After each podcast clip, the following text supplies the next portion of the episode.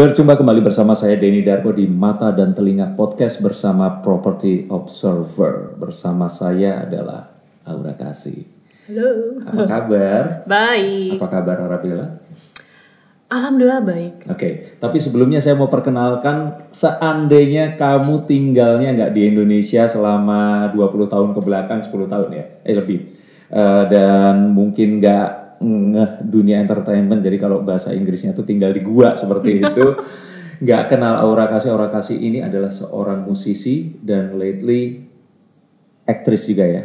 Film, kalau kita kenal dulu sebagai finalis Miss Indonesia 2007. 2007. Nah, tapi sekarang ternyata juga anggota HIPMI karena banyak bisnis Aura Dermatology, eh, terus kemudian Cafe Bober ya, Cafe Bobber.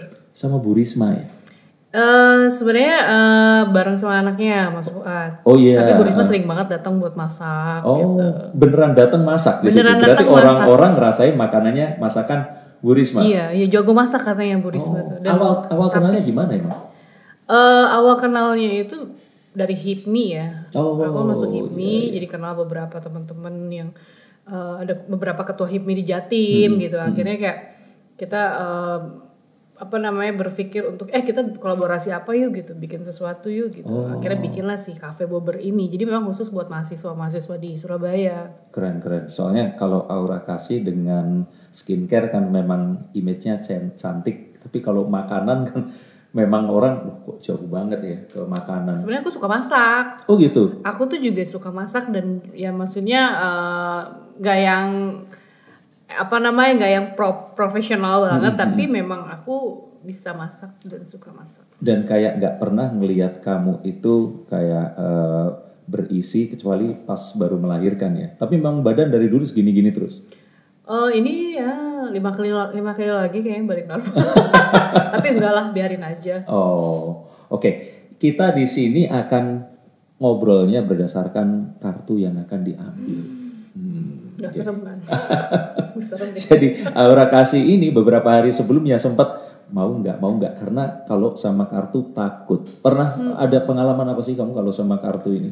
Sebenarnya enggak sih, cuman kadang ada eh, ada beberapa orang tuh kayak yang langsung, oh kamu begini begitu, kamu akan ini akan itu gitu. Aku pikir kan mungkin di kartu juga sama kan. Ah, Maksudnya ada hal-hal yang kayak gitunya juga. Jadi aku langsung langsung apa namanya langsung was-was dulu ya. Iya langsung ngomong, wah gue nggak mau kalau jelek-jelek jangan bilangin ya gitu.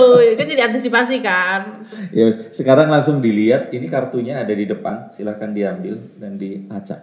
Hah, aku kocok nih. Heeh. dia dia ngambilnya juga hati-hati banget, takut. Ini gua Enggak enggak enggak enggak ada keramat-keramatan mistis dan sebagainya diacak-acak Anyway kartunya. bagus ya kartunya. Mm-mm, itu eh, ada apa gold foilnya di sekitarnya. Ini ambil berapa? Satu aja dulu. Sambil aku akan jelasin. Tadi aku sudah kita ngobrol sebelumnya dan aku ceritain ke Aura kalau kartu ini di seluruh dunia, artinya universal dan disepakati sama. Jadi di googling akan sama. Ada 78 itu beda-beda semua setiap kartu. Sekarang kita akan coba untuk lihat kartu yang pertama. Aku buka ya. Strength. Kartunya strength itu kartu kekuatan. Ini kita tanya tentang ma- masa lalu dan masa sekarang. Masa lalu, kita ngomongin masalah kekuatan itu ada satu unggahan yang cerita kalau mungkin Aura Kasih yang dikenal cantik, seksi, anggun, feminin, tapi dulu katanya tomboy dan pernah berkelahi sampai lawan berkelainya masuk rumah sakit. Bener nggak sih? Saking kuatnya gitu. Dari SD gitu. Dari SD. Dari SD tuh udah eh sebenarnya bukan bukan troublemaker aku cuman kayak random berantem gitu. Enggak. Gara-gara cowok-cowok tuh kan suka yang iseng-iseng. Kalau dulu waktu SD tuh rambutku kan yang curly curly- keriting banget tuh kayak dikasih apa sih kertas-kertas gitu dilempar-lempar. Kan nempel tuh. SD kelas? Kelas berapa ya? Kelas 5 kayaknya ya terus pas pulang kita tendang lah. Dia ternyata masuk ke got terus ininya kayak di apa sampai masuk rumah sakit sampai dijahit ya ampun. aku tendang Oh. masuk ke got dia Dia pasti nggak menyangka kalau cewek curly yang dulu itu ditendang tapi sempat reunian aku minta maaf soalnya dia ada bekasnya di sini sampai sekarang. Gue aduh sorry iya. Sampai sekarang? iya iya Namanya siapa kalau boleh tahu? aduh ada lah ini kalau denger ini dia eh, apa Aura kasih nggak lupa ya kejadian waktu itu. Iya soalnya aku tuh juga termasuk yang Hmm. sering mencelakakan orang berantem gitu. Oh. Lumayan sering. Nah, eh, kalau ngomongin masalah kekuatan, sebenarnya siapa sih orang yang paling kuat yang pernah kamu temui kalau misalkan ya apa ya eh, selalu dijadikan kadang ada orang kan yang bilang oh itu adalah ayah, ibu atau siapa? Ada siapa? Yang pasti keluarga aku ya, Mm-mm. keluarga aku dan maksudnya banyak banyak yang eh, ya mamaku juga, bapakku juga gitu ya. Ya semua orang tua pasti punya kekuatan. Iya, maksudnya arti kekuatan itu buatmu itu apa gitu? Arti kekuatan itu adalah eh, buat aku pribadi ya ketika kita bisa menjaga menjaga orang-orang yang terdekat sama kita gitu, yang kita cintain. Dan kuat di sini adalah ya di mana kita punya masalah, kita harus berusaha untuk tampil eh, biasa aja gitu. Itu kan sebenarnya orang-orang yang kuat. Kan, Oke, sebenarnya. karena kalau orang biasanya dapat kartu ini dan ini satu kartu di antara 78 kartu yang lain, ini kartu yang messages kalau dirimu harus lebih kuat daripada biasanya untuk beberapa tahun dan kehidupanmu yang mendatang. Wow. Tapi berbicara tentang ini silahkan ya mau dijawab atau enggak. Iya. Karena katanya sekarang kamu udah sendiri lagi. Nah, ya walaupun udah 10 bulan sendiri juga ya di sini ya. Nah, artinya tinggal kamu Arabella dan ya orang-orang yang kamu bilang kuat itu tadi orang tuamu. Nah, melihat seperti ini ke depannya yakin buat jadi kuat atau enggak? eh dari mulai apa ya jujur kalau aku pribadi ya dari mulai aku meniti karir di entertainment ini ya aku udah harus kuat kuat itu kita tuh pasti ada gosip ada hal-hal yang yang nggak enak ya wi kayak gosip lah gitu. Kita tuh harus kuat menghadapi itu gitu. Jadi semua itu konsekuensi. Jadi kalau aku pribadi eh, kalau di kartunya dibilang strange gitu ya aku udah siap untuk semuanya. Dari bangun tidur pun aku udah selalu ngomong. Ke Tuhan tuh selalu ngomong gitu aku siap menghadapi apa pun hari ini. Don't be naif kita selalu bangun tidur orang pasti pengennya semoga hari ini menyenangkan ya Allah ya. be, be nice gitu nggak kan. bisa nggak bisa. We never know gitu. Jadi Yeah. kalau aku pribadi dari bangun tidur aku selalu ngomong saya siap menghadapi apa pun yang akan terjadi dalam hidup saya hari ini. Hmm. gitu aja. Jadi kita tuh harus udah udah udah siap gitu. Jadi nggak boleh berekspektasi hari ini akan indah tapi kita tuh harus eh, mengantisipasi ekspektasi itu untuk terlalu jangan terlalu eh, jangan terlalu apa ya jangan terlalu gede gitu loh Ya, jadi ya itu selalu ngomong tadi kan kamu bilang kalau orang yang kuat itu seperti orang tuamu. Nah saat ini kamu nggak harus, maksudnya kamu jadi kuat itu nggak cuman buat dirimu sendiri. Kayak masa lalu kan kamu berusaha untuk kuat dengan semua gunjingan orang atau apa pun itu. Nah tapi sekarang kamu harus kuat untuk anakmu dan harus Yes. kuatnya sendiri. iya Itu gimana ininya? awal-awal sih sebenarnya kayak actually memang eh, apa eh, untuk masa pribadiku yang sama suamiku ini tuh udah lama banget memang kita tuh udah kayak Sebentar, udah suami atau mantan suami? mantan su- kalau dari agama tuh sebenarnya kita udah udah udah pisah Udah bisa cuman ya? kan dari secara hukum ini lagi proses Oh masih suami Iya. berarti ya? enggak lah kalau agama kan udah pisah sebenarnya bener kan Oh iya berarti mantan suami dong? mantan suami Kamu tadi ngomongnya suami. Salah ya? masih kebiasaan maaf kali. maaf baru iya jadi kalau masalah itu kita udah ngobrol lama Hmm. gitu dan eh, dengan segala konsekuensi ya aku bilang aku selalu minta maaf sama anak aku kalau Hmm. dia sebelum tidur tuh aku selalu bilang "Em, aku minta maaf kalau aku eh, nggak bisa mem- apa nggak bisa eh, memberikan kehidupan yang normal buat dia Hmm. normal dalam arti kata itu ya nggak bisa ngasih keluarga yang full. Tapi Iya. kan masih ada bapak aku Hmm. sosok pengganti Iya, iya, iya. masih ada omnya. Dan maksudnya kita nggak tahu ya ke depannya seperti apa ya Eh, bapaknya apa bapaknya anakku juga maksudnya kalau memang bisa ketemu mau ketemu ya ketemu aja. Dan dia tidak akan pernah kehilangan sosok itu. Oke, jadi ini adalah janji kuat ya kekuatan yang kamu ucapin. Sehingga kalau video ini nanti ditonton sama panggilannya siapa sih? Bella atau Bella, Bella. ditonton sama Bella nih Bella. Kalau kamu nonton ini apa? Mo- Momi atau siapa panggilnya? Mimi. Ini namanya Mimi. Oke, Bella ini kalau kamu nonton video ini 20 tahun yang lalu nah Oh. Mimi berjanji buat kuat buat kamu dan kamu adalah alasan kamu masih ini ya sekarang ini bisa senyum, ketawa dan sebagainya. Iya, Karena nggak banyak orang lo bisa melalui perpisahan dengan seperti ini. Iya sih, cuman kalau aku pribadi tuh ya kita nggak boleh terjebak di masa lalu dan kita nggak boleh. em, aku sempet tuh naruh di story karena lagi kepikiran gitu. Jadi aku tuh nggak mau hidup terjebak di masa lalu dan hidup eh, mencemaskan masa depan gitu. Too much expectation-nya Yes. tadi ya. Ah, Jadi aku mencoba untuk hidup di kekinian. Masa kini itu yang sekarang aja dulu. Iya. Takutnya kalau kita terjebak masa lalu hari eh, hari ini yang kita laluin kita nggak akan bisa bersyukur. Atau mungkin mencemaskan masa depan ya udah kita juga nggak bisa bersyukur apa yang kita punya hari ini. Jadi aku pikir ya aku harus menjalani hidup di kekinian gitu. Sekarang. Gitu. Nah dan berbicara tentang stres ini tadi kan ada orang-orang yang seakan-akan kayak tahu tentang kamu komentar di sosial media dan sebagainya. Soalnya terkesan sekarang itu aura kasih kayak galak sama ini apa namanya orang-orang yang komen itu loh. Sih? kamu sempat bilang eh, apa ya? eh, udah jangan urusin hidup orang atau gimana seperti itu. Sebenarnya gini, bukan soal galak. Jadi eh, semua orang tuh berhak lagi apa ya mm, membela dirinya sendiri gitu loh. Jadi menurut aku artis itu memang eh, konsekuensinya ya hidupnya dia udah bu- milik publik. publik. Iya benar. Tapi jangan lupa gitu, kayak kita tuh manusia juga gitu ya. Maksud kita masih punya perasaan. Kita tuh bukan robot cuman disetir aja gitu ya. Maksudnya im- bukan cuma robot yang disetir yang memang ya lempeng aja gitu. Tapi kan ada titik-titik kayak misalkan aku kadang eh, agak mulai kesel kalau orang tuh mulai jelekin bapaknya Bella gitu loh. Gitu. Ya mancing-mancing lah apa segala macem kan. Jadi aku juga kadang suka ngomel juga gitu. Tapi ya menurut aku ya wajar lah kita manusia kok, nggak usah pencitraan juga. Ya itu tadi Iya aku juga baca tuh nggak usah pencitraan jadi aja being yourself ya. Ya iya kalau memang kita marah ya kita kalau kita perlu marah ya kita harus marah gitu daripada kita mendem-mendem karena ah gue takut image gue rusak gitu aku tuh nggak urusan sama itu karena hid- aku hidup bukan untuk menyenangkan orang lain. Ya oke. gitu aja.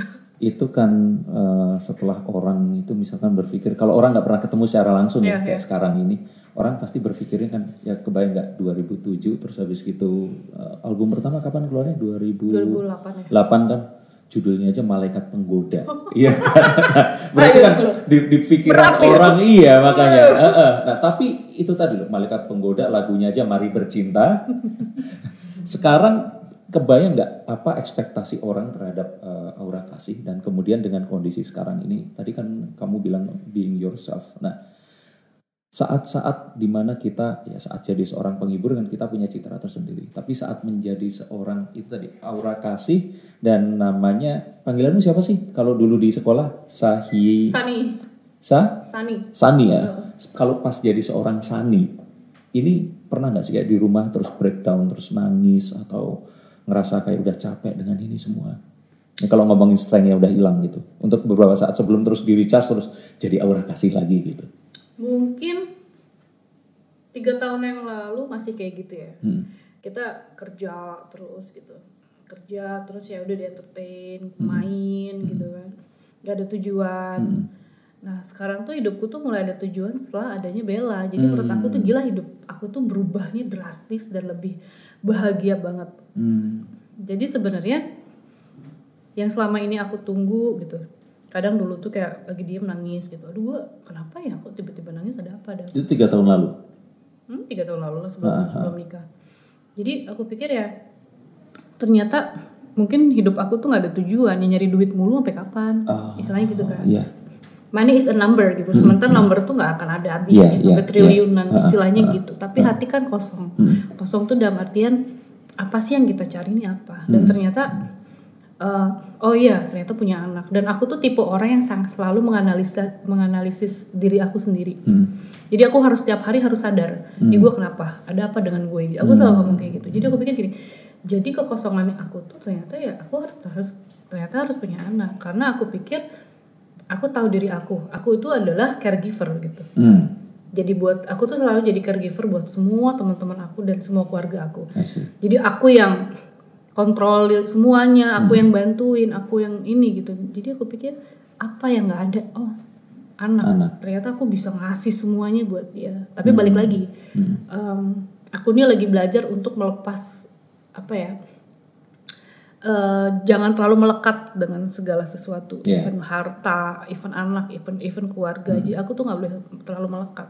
Jadi aku nggak kasih 100% buat semuanya. Tapi Hmm. aku akan melakukan hal yang terbaik 100%. Oke, jadi dengan adanya Bella ini walaupun mungkin di pernikahan akhirnya sekarang berpisah, penyesalan itu pun nggak terlalu ini ya. Gak boleh nyesel sih. Nggak boleh nyesel ya? boleh sih. Aku selalu ngomong.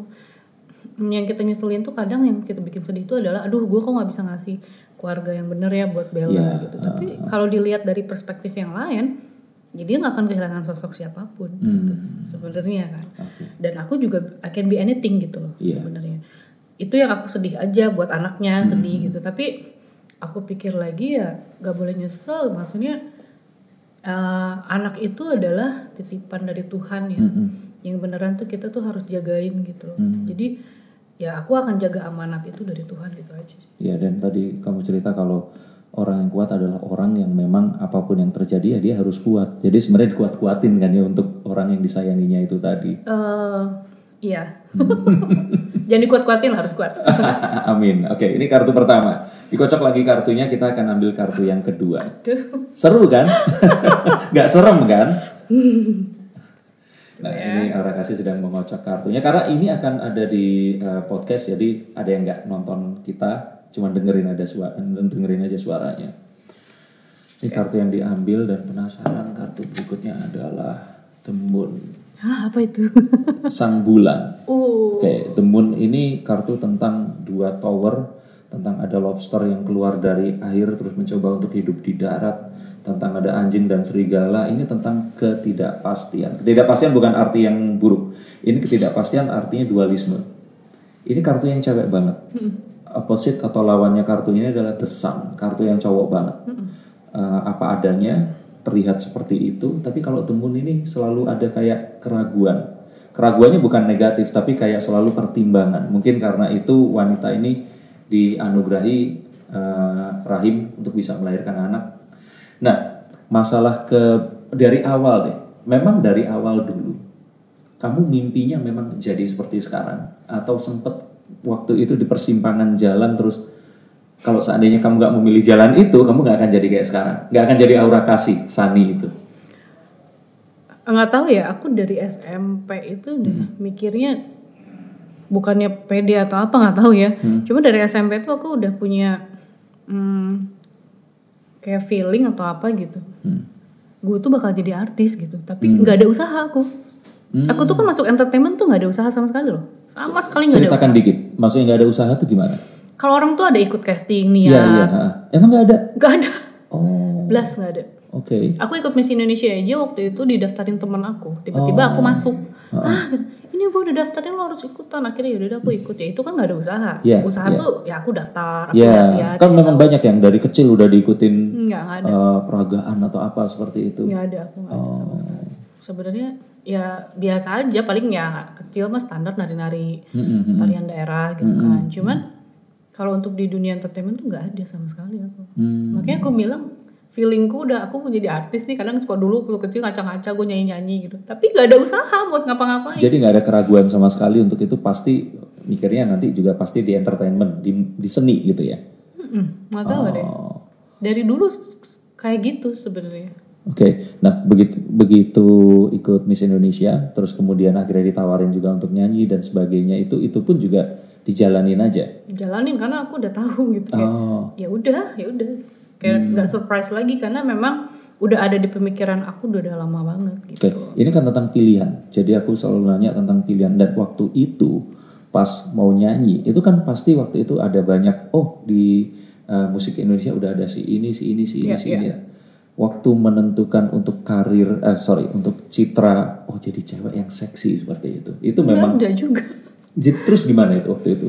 itu tuh mengalir aja gitu kayak dulu eh, si manajerku kan aku kayak datang gitu terus eh Hmm. gue bikin lo lagu nih gitu oh gitu ya terus coba aja bikin lagunya gitu nah, akhirnya aku manajer aku sama ada dua musisi Hmm. termasuk tuh si anak armada Oh, Oke. aku lupa namanya si- si- siapa yang bikin waktu itu Hmm. kita akhirnya bikin lagu ini Oh. ya nggak niat untuk "Eh, ini buat kita harus bikin lagu yang biar laku gitu enggak Jadi semuanya tuh hidup aku tuh semua mengalir Mengalir. dan proses, semuanya proses, berproses banget dan semuanya mengalir aja. Jadi nggak ada di satu titik terus harus menentukan pilihan gitu.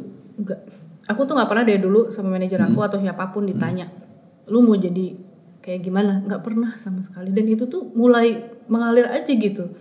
Kayak lagunya aja tuh aku tuh nggak nyangka kalau lagu Mari Bercinta itu bisa jadi hmm, apa meledak gitu lagunya hits gitu. Karena aku aja mau ketawa pas dengernya. Aduh malu ih, aduh malu. Sementara kita anak Bandung yang lagunya Come on, Iya. Pure Saturday Bener-bener gitu kan. harus apa Indie namanya? kan. Iya. anak bener-bener indie idealis. gitu.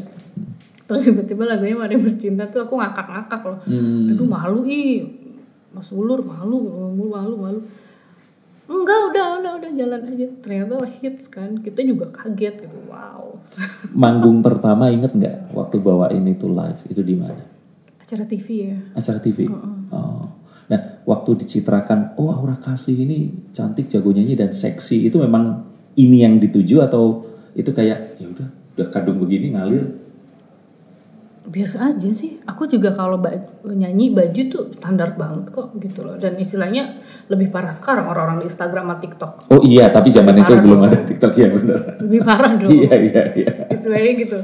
Sementara bajuku tuh kayak biasa aja gitu. Maksudnya kok dari mana? Mungkin dari liriknya juga gitu kan. Terus aku pikir ya ya kita bikin lagu tuh kan ya kita balik lagi ya berenergi nih gitu. Niatnya mau apa nih gitu. Iya. Jadi ya itu yang keambil gitu. Oh. Oke. Nah, kebimbangan di karir, nah, kebimbangan di pasangan. Waktu itu kan kalau dirunut dari semuanya selalu cowoknya penyanyi, penyanyi, penyanyi. Nah, itu memang sengaja Satu juga. doang loh. Masa sih? Ntar. Almarhum udah itu doang. Oh, cuma satu ya? Yang lain itu nggak pacaran akhirnya ya? Cuman gosip aja ya? Gosip aja makanya gue bingung. Nah, yang gosip itu berarti nggak bener. Nah itu balik lagi Hmm. kayak gosip-gosip gitu tuh aku bingungnya kok kok gue kenapa kok gue lagi kok gue lagi Mungkin karena image-nya itu tadi seksi, Mungkin. terus eh, dianggapnya oh ini berusaha untuk menarik perhatian si cowok ini tadi. Iya, akhirnya orang juga enak kan. Eh, Terus aku aku, lagi kalau digosipin itu kan nggak mau statement, diam aja. Hmm, Makin enak dong. Iya, Terus soalnya aja di gitu. bener kalau dulu itu kayak sekarang sebenarnya Aura Kasih ini bisa terus kayak settingan jalan sama si ini, settingan jalan sama iya, si iya. itu, gitu. Sampai sekarang aja dikira settingan kan ya? Sama siapa nih? Bukan kamu pisah ini loh, dikira kan oh ini berusaha untuk ada orang yang bilang Oh. seperti itu, jangan-jangan ini pura-pura pisah hapus-hapusan Instagram settingan karena mau balik lagi di entertainment atau apa setelah kemarin punya anak gitu. Oh, aku, Terus kamu sampai bilang itu kan hidup ngapain settingan harusnya ya udah jadi aja diri kita sendiri. sebenarnya itu. Hmm. Maksudnya kalau settingan tuh capek gak sih nyari konten? Iya bener tapi ya itu kayak tadi. maksudnya gini, kita tuh hidup tuh kayak entertain tuh udah dar- udah drama gitu. Terus hidupan pribadi juga drama apa nggak capek Hmm. gitu. Kalau aku pribadi tuh sekarang fokusnya lebih ke eh, ya udah aku harus eh, gimana caranya aku bisa mendidik anak aku dengan baik. Hmm. menjaga keluarga aku gitu sebenarnya itu aja sih Oke. ya mungkin suatu saat juga aku nggak tahu ya ada maksudnya eh, hidupku bakal gimana juga kan nggak tahu yang penting tuh sekarang dulu aja Oke, nah masalah kebimbangan tadi eh, ternyata sama musisi cuma sama almarhum loh. Waktu itu apa yang akhirnya membuat berpisah? sama siapa Katanya sama almarhum. Bukan sama yang sekarang. oke em, Siapa tahu ada yang waktu itu nggak diceritain gitu. Terus di sini kan dapat cerita eksklusif apa gitu. kita tuh sama-sama idealis Hmm. Eh, sama-sama idealis jadi eh, sebenarnya banyak mungkin pasangan-pasangan lain tuh yang sama-sama idealis akhirnya nggak ketemu. Iya. karena bentrok. Oke. akhirnya salah satu milih eh, ya apa namanya cari orang biasa aja deh. Maksudnya biar selaras gitu. Bi- Bisa eh, energinya nggak terus saling itu ya. iya gitu itu terus cuman itu sih kayaknya. Dan kita juga udah bahas waktu itu sama almarhum maksudnya kita ini terlalu idealis yang sering apa ya itu terlalu idealis lah dua-duanya jadi kayak nggak cocok aja gitu Jadi baik sama baik belum tentu bisa bareng ya. iya soalnya jadinya malah jadi berlawanan kan Oh. saking samanya jadi berlawanan Iya. Terus ada satu lagu yang mau dibuat ya. Ah, eh, sorry di, diambil. Ah, ini lagu buat aku si rencana itu. kenapa lagu ya Lagu yang rencana ya. Ah, terus itu udah kamu nyanyiin lagi berarti. Oh enggak enggak, itu lagu beda. Lagu Renjana itu dulu aku minta sama almarhum untuk, ini aku bikinin novel ya gitu. Akhirnya aku Oh. bikinin novelnya. Oh udah. Udah, udah, udah. Kamu nulis novel juga? Aku nulis novel itu sebenarnya dari 2016. Oh, Cuman iya. baru rilis 2018 karena aku lagi hamil, nggak ada kerjaan kan. Jadi aku tulis aja terus akhirnya dirilis. Oh. Atas izinnya dia juga gitu. Aku rilis ya gitu. Oh, oke oke. Nah, berarti lagu itu memang lagunya dia. Tapi novel itu terinspirasi dari lagu itu Iya, karena lagunya ya bagus aja, ya bagus gitu. Maksudnya lagu yang indah gitu buat aku. Jadi ya aku udah minta ya, bu ini lagu buat aku ya gitu. Hmm. Iya, Terus aku iya, bikin novel. gitu. Oh. Dan masalah keraguan seperti ini, ini pertanyaan terakhir dari kartu ini ya. Berarti Aura Kasih nanti akan menikah lagi. Eh, mengalir aja ya. Mengalir aja ya. mengalir aja tetap aku kan selalu ngomong itu not buat aku gitu aku selalu bilang kalau eh, biarin tangan Tuhan yang bekerja gitu biarin Allah aja yang, yang yang bekerja aku pasrah mau diapain ke depannya yang penting kita tuh tetap menjalani hidup ini dengan ikhtiar apa pun Hmm. jadi tidak boleh menutup kemungkinan apa pun Amin. Oke, kartu kedua selesai. Silahkan ambil kartu ketiga. ini kok begini ya Kayak ketemu psikolog ya. apa gitu akan mendapat gitu enggak ya enggak, belum ya itu kalau Kak Feni Rose yang bawain terus didramatisir. eh. Oke. Knight of Cups. Ada seorang kesatria. Dan di dalam kartu tarot itu ada empat lambang. Cups itu tentang perasaan. Karena ada tempat untuk naruh air. Sword atau pedang itu upaya. Terus Wands itu cita-cita, keinginan, hope. Dan Pentacles kesehatan dan keuangan. Nah kalau lihat Cups ini berarti bagaimana orang ini berusaha untuk memanage perasaan. eh, bagaimana perasaan itu diperjuangkan dan sebagainya. Nah tapi di luar itu tadi pas kita ngobrol itu aku mendapat sesuatu yang akan berbeda saat yaitu tadi cuman lihat kamu nyanyi kamu acting di atas eh, sorry di, di film atau di eh, eh, layar kaca ternyata Aura Kasih ini orangnya spiritualis. Berbicaranya tadi itu tentang energi tentang kekuatan yang lebih besar daripada kita. Ini memang dari dulu seperti ini atau somehow dari mengalir ini terus kemudian jadi begini? Proses ya?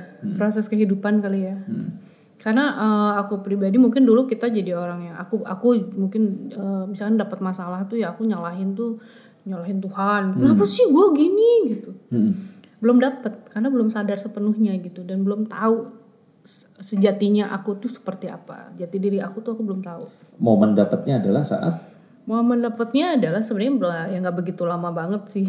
Ya mm, 2016 2017 gitu. Jadi eh, sebenarnya yang bikin kita tuh jadi lebih eh, peka dengan hal-hal spiritual itu ya ketika kita punya masalah Oke. ketika kita senang sebenarnya. Itu kan ada ikronya ya kita tuh harus baca situasi gitu.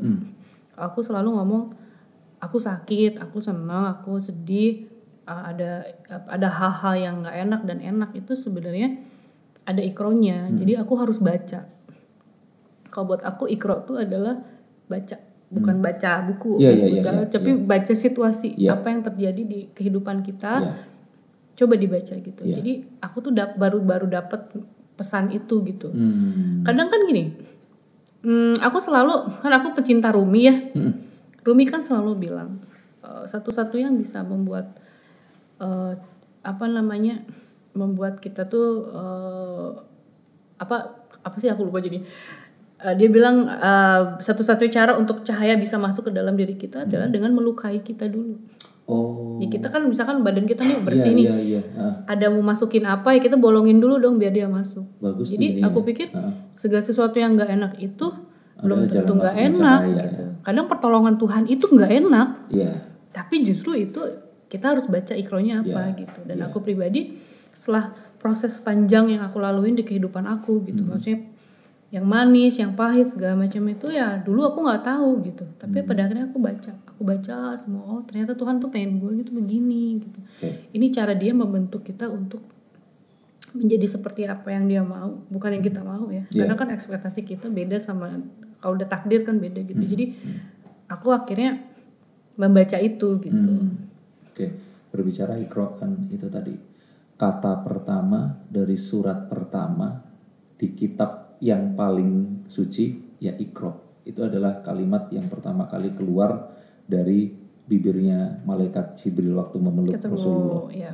Ikro bacalah.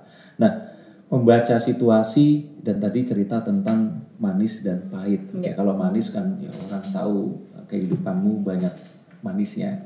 Kalau sesuatu yang pahit yang pernah terjadi selain dari perpisahan yang sekarang ini, apa dalam hidup satu aja yang paling yang sampai tadi kamu bilang Tuhan kok gini banget sih sama aku? Gitu. Apa itu? Aku ya, sebenarnya ada lah beberapa, cuman aku kasih contoh aja untuk untuk mungkin Buat contoh orang-orang di sini, oh ternyata kamu pun pernah terluka itu sehingga cahaya bisa masuk ke dalam dirimu gitu. mungkin buat orang-orang yang nonton yang denger gitu. Misalkan adalah satu di tahun berapa aku lupa. Jadi aku tuh pernah nih kehilangan harta gitu ya sama sahabat aku sendiri di, di, dicuri lah istilahnya gitu. Hartanya sebesar apa emang? gede lah lumayan lah. Untuk saat itu? Atau sekarang pun juga gede? sekarang juga gede. Oke, dan sahabat nih sahabat beneran sahabat? sahabat aku dari SD Oke, bareng. Heeh. nih. Eh, mungkin Allah- Tuhan itu udah ngasih clue terus gitu. Tapi kita namanya juga manusia double ya gitu ah apaan sih apaan sih gitu. Harus jedor dulu baru tahu gitu kan. Nah jadi pernah lah di di curi lah gitu. Panjang lah ceritanya kenapa dia bisa nyuri gitu kan. Istilahnya tapi bukan aku bukan dibegoin ya. Memang Iya. dia nyuri yang kita tuh lagi lengah aja. Iya. dan itu jumlahnya besar banget. Iya. itu hmm, aku sempat kayak kok kenapa? gitu. Duit gue hilang. Kenapa dia lagi yang ngambil? Hmm. ya gue jadi kehilangan dua dua hal yang menurut gue tuh eh, apa yang penting gitu. Iya. sementara dulu kan kita masih melekat sama yang namanya tuh duit tuh dikekep gitu. Oh gue ini mau itu oh dikekep banget gitu kan. Dan sama juga si sahabatku ini segala dikit-dikit tuh aku ke dia ke dia ke dia itu melekatan. Hmm. Eh, pada akhirnya oh aku dapat ikro gitu.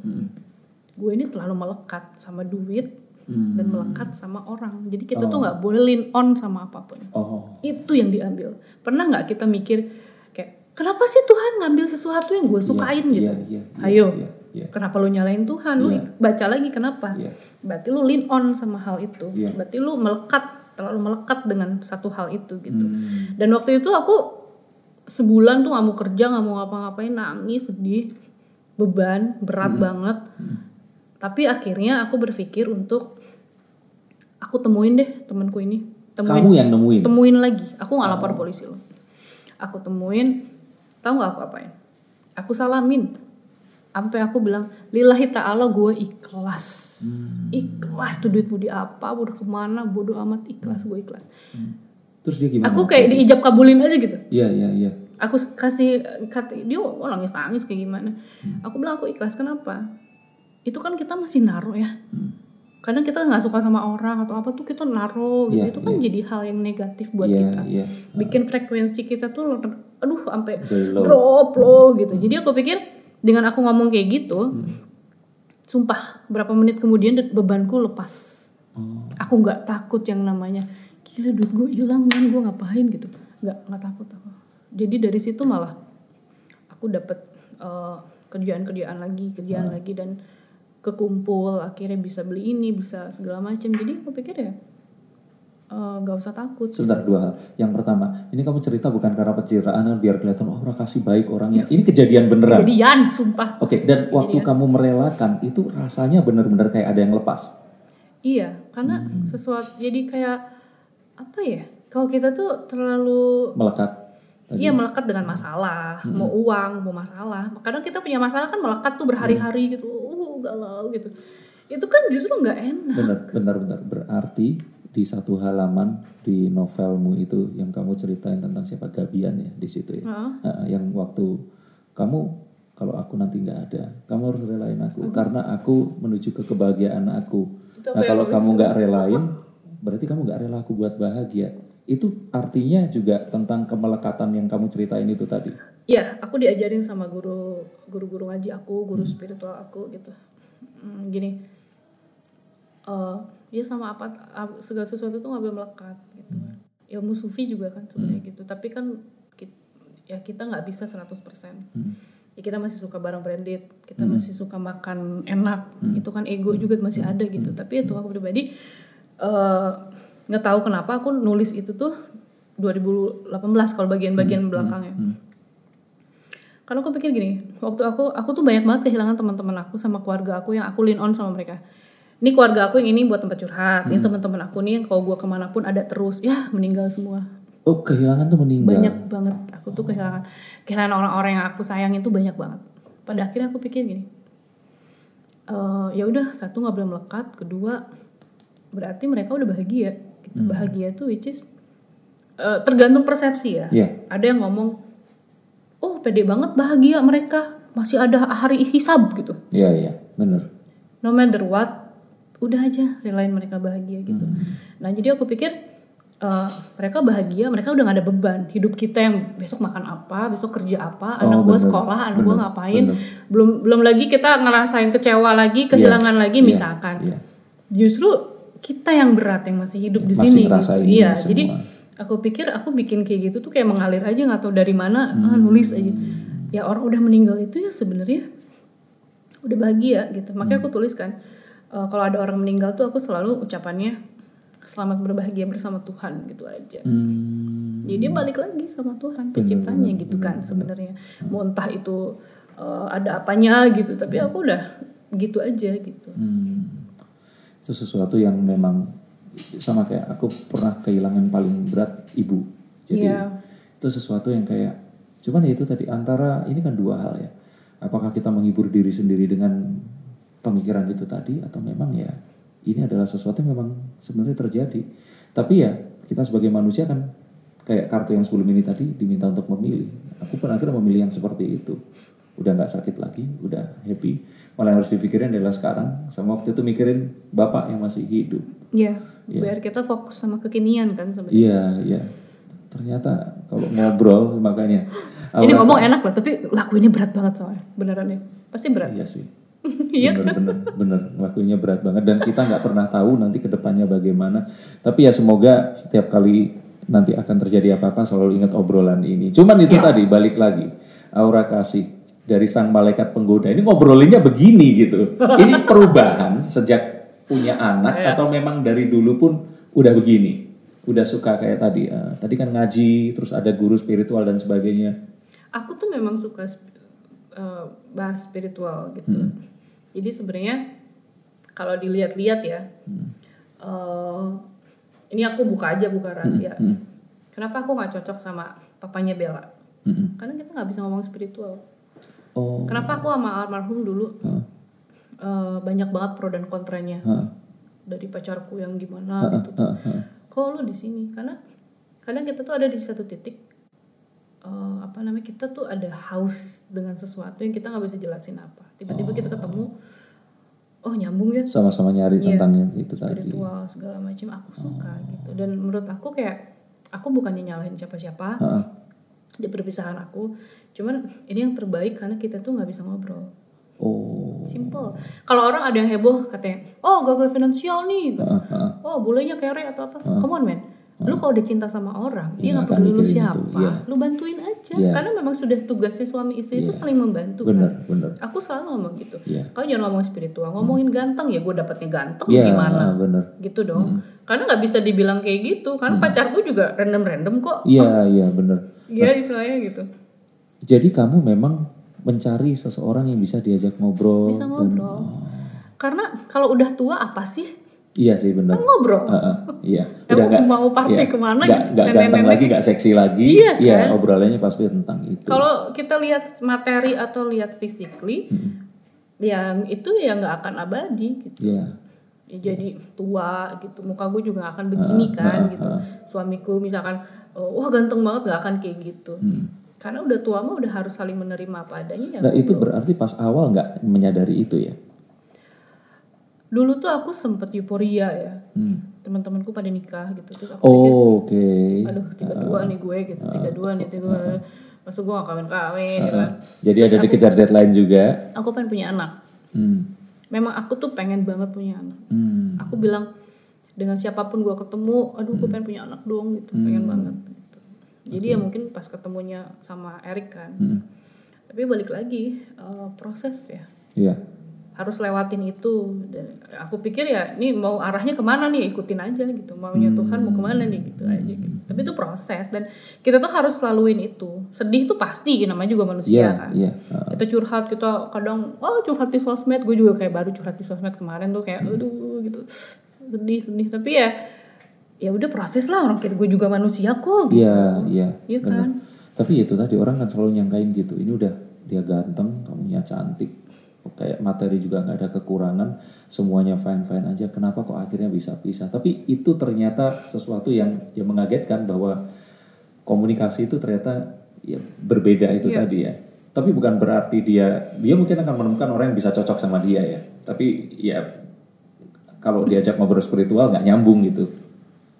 Iya banyak hal lah. Hmm. Makanya aku bilang aja gitu maksudnya kalau orang mikirnya soal finansial atau segala macam, aku bukan tipe orang suka pamer. Aku Hmm. bukan tipe orang yang harus bilang gue punya apa aja gitu. Jadi menurut aku itu itu belak itu urusan finansial itu memang kita perlu ya. Hmm. Tapi kita bisa ikhtiar, bisa usahakan Iya, gitu. Tapi yang paling penting itu sebenarnya cari pasangan itu memang kita bisa ngobrol gitu. Hmm. Ya mungkin aku nggak nyalahin, mungkin juga Erik masih masih umur segitu. Proses hidup aku juga berat Iya. gitu. Jadi eh, kita nggak ketemu di situ aja. Tapi aku yakin suatu hari juga pasti kita bisa baik-baik aja. Iya, dan nggak menut apa nggak menghapus satu kenyataan bahwa ya papanya Bella ya adalah Iya, dia. iya, iya. Adapun kalau kita ada berantem atau apa itu hanya emosi dan itu manusiawi menurut aku. Oh, Jadi wajar, wajar banget. oke. Buat cowok-cowok di sini yang tertarik mendekati uh, Aura Kasih boleh belajar tarot sama saya nanti ngobrol spiritual bila enak ya. Boleh. Silahkan dikocok lagi. Sampai berapa? Sampai lima. Tenang aja, ngobrolnya masih akan panjang. Oke. Bentar, lihat contekan apa aja yang belum di ini.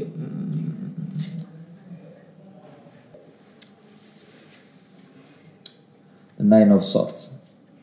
Ketakutan, jadi kayak eh, kekhawatiran, anxiety, apa yang akan dihadapi dan sebagainya. Tenang, nggak akan membahas tentang mantan suami lagi, tapi lebih ke berarti kamu kan menjalani kayak eh, jadi penyanyi, terus kemudian acting, Ya. oke acting waktu itu kan pasti awalnya nyanyi terus kemudian acting ya walaupun itu sama-sama art seni peran menghayati lagu dan sebagainya acting dari layar kaca nah, tapi di layar lebar harus mainin peran-peran yang ya awalnya peran yang mungkin akan dari film-film yang pernah horor juga ya sama Riana ya waktu itu. Iya. Heeh. dan sampai ke Arini itu kan kayak film film sakral gitu loh. Film yang dulu adalah film yang box office. Kayak film-film apa ya ya Dilan Mileanya anak-anak Iya, ini yang kemudian jadi ibu-ibu jadi tante-tante sekarang ini. Pernah nggak sih ketakutan menghadapi sesuatu yang baru? Terus harus mempelajari sesuatu takut salah dan sebagainya. Karena pendengar dan penonton di sini kayaknya pengen banyak belajar Aura kasih ini kayaknya bisa segala gitu. Jadi apa nggak nggak takut misalkan terus buka resto seperti itu nggak takut gagal. Takut masih ada takut. Gini deh aku aja nyanyi itu masih minder loh. Kadang tuh bisa fals bisa lupa lirik itu karena minder karena takut. Karena takut. Aku tuh sebenarnya aslinya dulu tuh sosial fobia nggak bisa ketemu orang banyak tapi tiba-tiba kok gue jadi artis udah tuh gue sosial fobia terus gue jadi artis Masa iya Aura kasih sosial fobia? Iya, beneran. Gimana ceritanya? sumpah aku tuh orang yang minderan takut terus ke ketemu orang banyak tuh takut takutnya itu tuh umur berapa? dari dulu sih dari SMA juga gitu Sampai dari ke- SMP malah Sampai nyanyi pun masih ngerasa minderan. takut Aura kasih minderan coba. Apa kabar kalian semua ya? eh aku syuting aja tuh takut loh mas masih takut Takutnya apa? Ap- Apa yang kamu takutin yang ada di pikiranmu akan terjadi yang paling berat coba ceritain.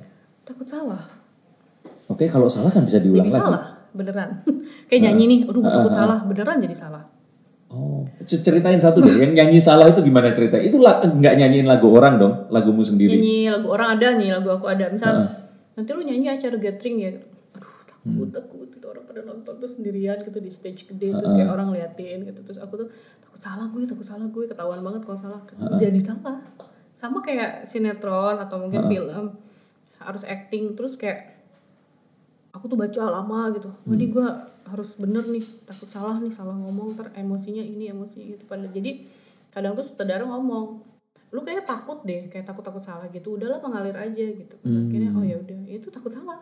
Oh. jangankan syuting atau kerjaan ya. Hah. hmm, aku tuh kayak ketemu orang aja orang baru itu aku ngom- ngomong tuh milih takut salah Oh. jadi aku lebih liatin orangnya dulu nih merhatiin sampai setengah jam setelah aku dapet karakternya gini baru aku baru ngobrol. Oh. takut salah Itu karena ada trauma di masa lalu atau memang pembawaannya kamu introvert dulunya?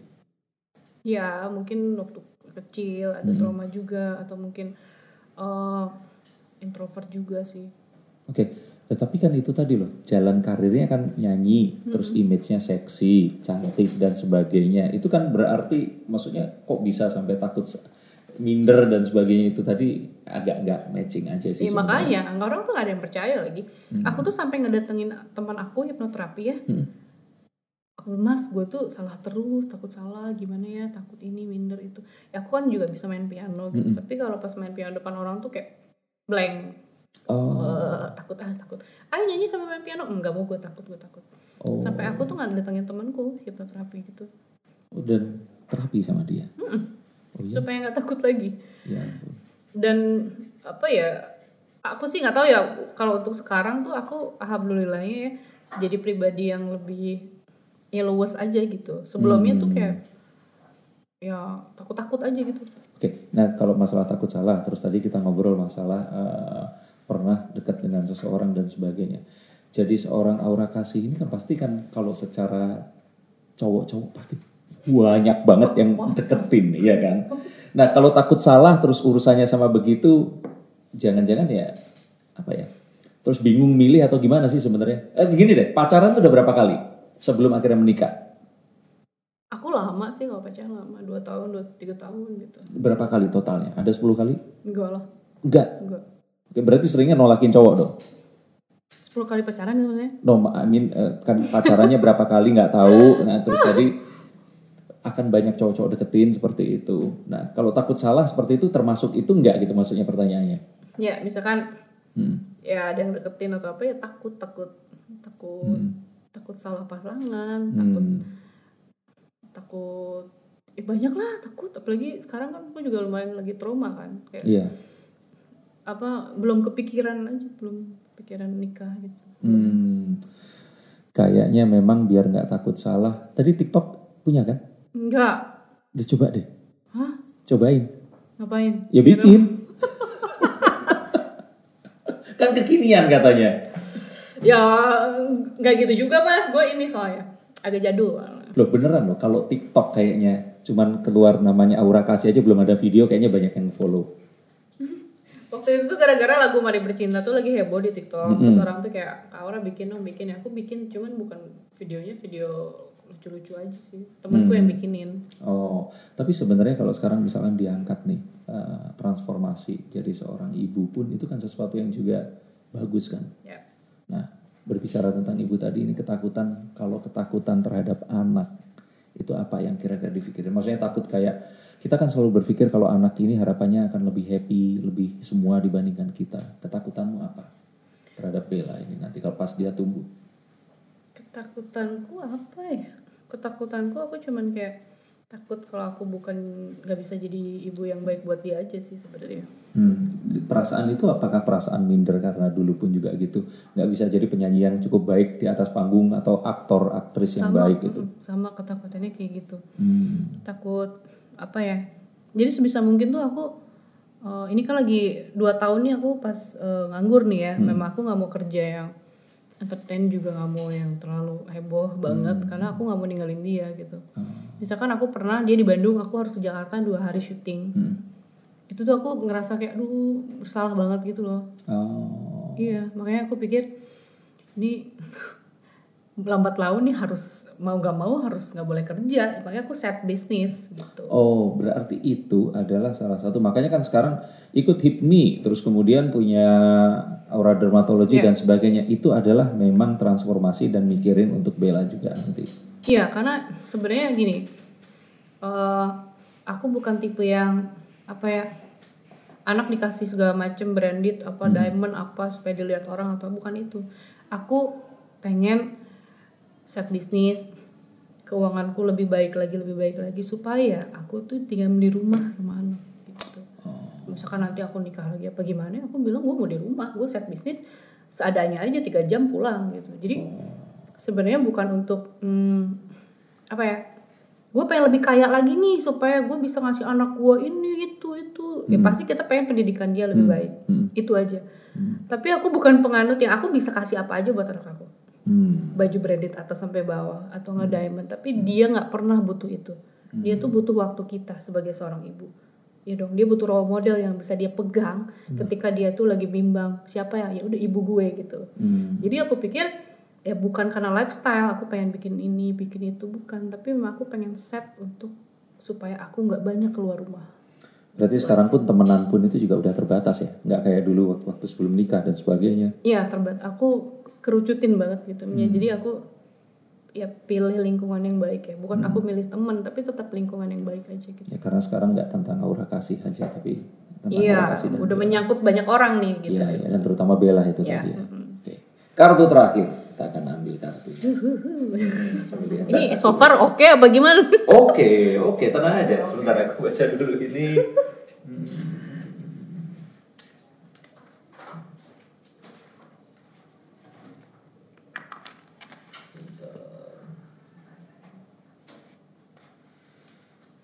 pilih satu oke Jadi kalau kita sebenarnya ngebahas ini selalu kerangkanya passion and money. Jadi apakah memang kita mau ngejar passion kita, tapi terkadang itu tadi sama kayak tadi kalau Bandung kan idealis banget, Iya. kadang-kadang. tapi lagumu sama tuh uh, catchy banget didengerin orang lebih enak dan sebagainya. Heeh. Nah ini yang harus kita selalu. Nah the four of swords ini sebenarnya cocok banget.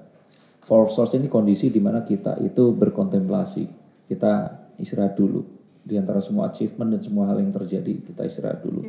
Kita nggak mikirin apa-apa dulu. Dan kita nanya balik ke diri kita. Sebenarnya kita ini siapa? Kita mau ke mana? Dan harus ngapain nanti ke depannya? Oke eh, ini karena kebanyakan yang nonton pasti ibu-ibu wanita juga. Nah, mungkin boleh di saat kontemplasi ini kan bisa ngobrol. Jadi kalau buat kamu pengen ngasih tahu ke orang-orang yang ada di rumah ini kalau mereka sebagai wanita itu seharusnya seperti apa sih Mungkin ini juga akan ngomong seperti ngomong ke Bella saat nanti dia sudah bisa nonton terus nonton eh, apa namanya? Tadi panggilannya siapa? siapa Mimi. Mimi. ya. di di layar gadgetnya dia. apa ya buat ibu-ibu ya di rumah Ibu-ibu dan remaja-remaja yang cewek-cewek. Maksudnya biar eh, banyak hal kan yang oh dulu I wish aku nggak ngejalanin ini atau aku happy nih ngejalanin ini tadi Ya. atau let it flow atau apa. Sebenarnya hidup itu ya, ya aku bilang tadi ya jangan terjebak di masa lalu jangan mencemaskan masa depan. Jadi hidup tetap di kekinian supaya kita bisa tetap bersyukur dengan apa yang kita punya hari ini. Terus tetap jadi diri sendiri nggak usah apa namanya kita harus yang penting tuh kita harus tahu siapa diri kita sebenarnya sih mas. Siapa diri kita sebenarnya nggak usah terkontaminasi dengan hal-hal apa pun di luar sehingga akan mengubah jati diri kita gitu loh. Jadi ya aku bilang tadi ada waktunya marah ya kamu marah. Itu manusiawi gitu. Ada waktunya kita harus diam ya kita diam. Hmm. yang memang kita nggak ngomong gitu ya memang ya pengen diam aja gitu misalkan gitu. Jadi ya intinya gitu sih buat terus buat eh remaja-remaja yang lagi hits hitsnya nih gitu kan. TikTok. hits TikTok. Eh, aku sih cuma pesannya satu sebenarnya jaga kedekatan kalian siapa pun itu itu sama sama Tuhan ya sama Tuhan. Jaga kedekatan kalian tuh jaga sama Tuhan. Aku ngomong kayak gini aku nggak berhijab. Tapi aku mencoba untuk dekat selalu sama Tuhan. Oke. supaya apa pun ke depannya aku dapat hidayah apa ya itu akan mulus gitu loh. Oke. gitu. Jadi aku aku juga sama teman-temanku gitu kok tetap dekat terus sama Tuhan cintain Tuhan jangan ditakutin Hmm, kadang-kadang memang banyak terus akhirnya mereka kebingungan dengan itu semua. Terus kadang juga berpikir, oh udah salah ya udah lanjutin aja lah seperti itu. Dan ternyata memang nggak nggak boleh seperti itu ya. iya Nah balik lagi kalau seandainya ke ngobrol ke cowok, kalau ke cowok apa ya apa dong? Atau gini, eh, ya kayak tadi loh, misalkan eh, buat cowok kan seharusnya dia bisa lebih ngobrol sama ceweknya, bah bahwa nggak cuman masalah cantik dan ganteng atau apa pun coba disampaikan. Nah, buat cowok-cowok ini kadang banyak yang nggak pede karena aduh finansialnya cuman berapa gitu. Terus good- aku nggak good looking gitu. Tapi sebenarnya yang, perempuan butuh itu adalah ya ngobrol dan chemistry. Hmm. karena cinta itu akan datang dari chemistry. Jadi kalau apa namanya buat perempuan nih nggak nggak begitu mandang good looking atau nggak wah ini harus kaya atau nggak good looking gitu sebenarnya lebih ke itu aja sih kebahagiaan batin karena kalau udah bah- kebahagiaan batin itu eh, penampilan itu akan jadi nomor berapa dan finansial itu akan kita bisa cari bareng-bareng Oke, ini datang dari aura kasih. Jadi seharusnya mereka semua percaya. Karena aku sering ngobrol loh kalau ini pun tadi kan nanya kan, Mas belajar tarot udah berapa lama? Dari SMA. Karena SMA ini tarot digunakan untuk PDKT ke cewek-cewek. Iya, mereka merasa nah, nyaman. Nah, gue belajar lah iya, sosok bisa spiritualis, ya kan? belajar belajar Eh, eh, tapi itu tadi artinya buat cowok-cowok terutama yang kadang-kadang mereka bilang aku nggak ganteng, aku nggak kaya dan sebagainya, Dap- bisa nggak dapetin cewek-cewek yang cantik-cantik dan sebagainya itu tadi. Ternyata itu ya, ya Iya. rahasianya. Karena ya balik lagi mas, eh, at the end of the day itu kita tuh hanya butuh pasangan yang bisa diajak ngobrol. Hmm. Karena fisik itu lama-lama Akan menjadi tua. akan menjadi tua. Ya maaf maaf gitu Iya. orang mau ngapain lagi kalau udah Iya, tua iya, gitu. iya, Paling traveling bareng, ngomongin A sampai Z gitu, ngalor Hmm. ngidul itu kan yang bikin apa namanya kebersamaan gitu dan jadi Lebih happy gitu kan. Dan tadi yang aku dapat sesuatu dari sini kalau aku pribadi adalah eh, sesuatu yang kita kadang mikir unfortunate, sesuatu yang melukai kita dengan versi kita ya. Iya. Ternyata itu adalah satu jalan agar masuknya cahaya untuk ke dalam diri kita. Ini luar biasa lo dapat ini malah saat ngobrol sama aura kasih. Dan terakhir ini dari ini tadi ini tentang orang yang kontemplasi dan sebagainya termasuk eh, dia itu tahu apa yang akhirnya dia mau dan enggak. Berarti apakah terus jadi kapok eh, cari pasangan seorang entertainer atau di bidang showbiz? Aku tuh dari dulu soalnya random, ada yang orang entertain, ada yang pengusaha gitu, jadi random banget. Dan aku pribadi tuh sebenarnya siapa yang nyambung sama aku aja sih. Oke. Oke, dan eh, jadi nggak trauma juga sama ekspatriat juga dong, nggak harus orang Indonesia ya? eh sedapatnya aja lah. Oh sedapatnya. Nanti kan saudara kandung kan yang ini keturunannya Amerika Latin, terus kemudian Iya beda-beda ya. Oke, tapi bukan berarti kalian semua yang Indonesia eh, jangan berkecil hati. Aura kasih masih membuka hati untuk orang-orang Indonesia juga. tapi thank you banget kita sudah ngobrol, ngobrol semuanya dan buat pertama kali akhirnya membuka alasannya pisah ternyata bukan orang ketiga atau apa atau yang lain. Nah, finansial orang tiga atau apa pun nggak ada lah. Memang eh, kita udah bicara ini lama dari jauh dari sebelum dia pergi ya. Hmm, hmm, Bulan Februari kan dia pergi tuh. Ya, Jauh sebelum itu tuh kita udah bahas. udah bahas untuk memang itu. Mungkin Januari pernah dengar ada gosip-gosip yang katanya aku gugat cerai itu ya itu benar. sebenarnya. Oh itu benar ternyata. Cuman kan maksudnya ya apa ya namanya banyak orang ngomong nanya gitu. Cuman aku kayak ya itulah salah ya. Ya, ya. Ternyata nggak boleh pura-pura juga gitu ya. Iya. Udahlah padanya aja lah. Selalu lu mau mikir apa dan nggak apa-apa gitu. Dan back then itu kan eh, Bella usianya baru berapa? Lima bulan ya waktu itu berarti. Eh enggak, eh, 10 bulan. Ya, yang penting mah sebenarnya eh, Bella tuh nggak akan kehilangan sosok dan ayahnya juga masih ada gitu aja. Hmm, amin kalau gitu. Apa pun yang terjadi ya mungkin namanya manusia ya kita Hmm. bisa marah, bisa kesel, bisa apa ya dimaklumin aja. Kalau ada netizen yang tiba-tiba, oh kenapa sih dia begini, kenapa dia begitu ya? Eh gue manusia, Hmm. ingat ya gue manusia. Ya, ya, ya, ya. Eh, ingat loh, eh, gua s- siapa? S- Sani ya namanya. Saya manusia loh, hello. Iya itu marah loh. karena itu tadi dipikirnya kamu ini adalah malaikat penggoda. Kan yang penggoda biasanya setan ya. Iya makanya. Berarti nggak menggoda yang sesuatu yang seru gitu. Sekali lagi terima kasih Thank sudah you. datang di mata dan telinga. Eh, semoga nanti bisa ngobrol lagi Ya. lebih panjang lagi tentang banyak hal, banyak banget yang kita dap- eh, dapetin. Jadi kalau dengarnya baru sekarang diulang lagi, kalian pasti nggak akan nyesel, terutama cowok dan cewek akan dapat eh, kalau misalkan belum nikah dan akan menikah akan banyak yang bisa dipelajari dari sini. Terima kasih, Aura kasih. Thank you mas. Terus dengarkan dan saksikan mata dan telinga podcast bersama saya Denny Darko dan Property Observer karena ini adalah the tool to feed your soul. Terima kasih, sampai jumpa dan salam.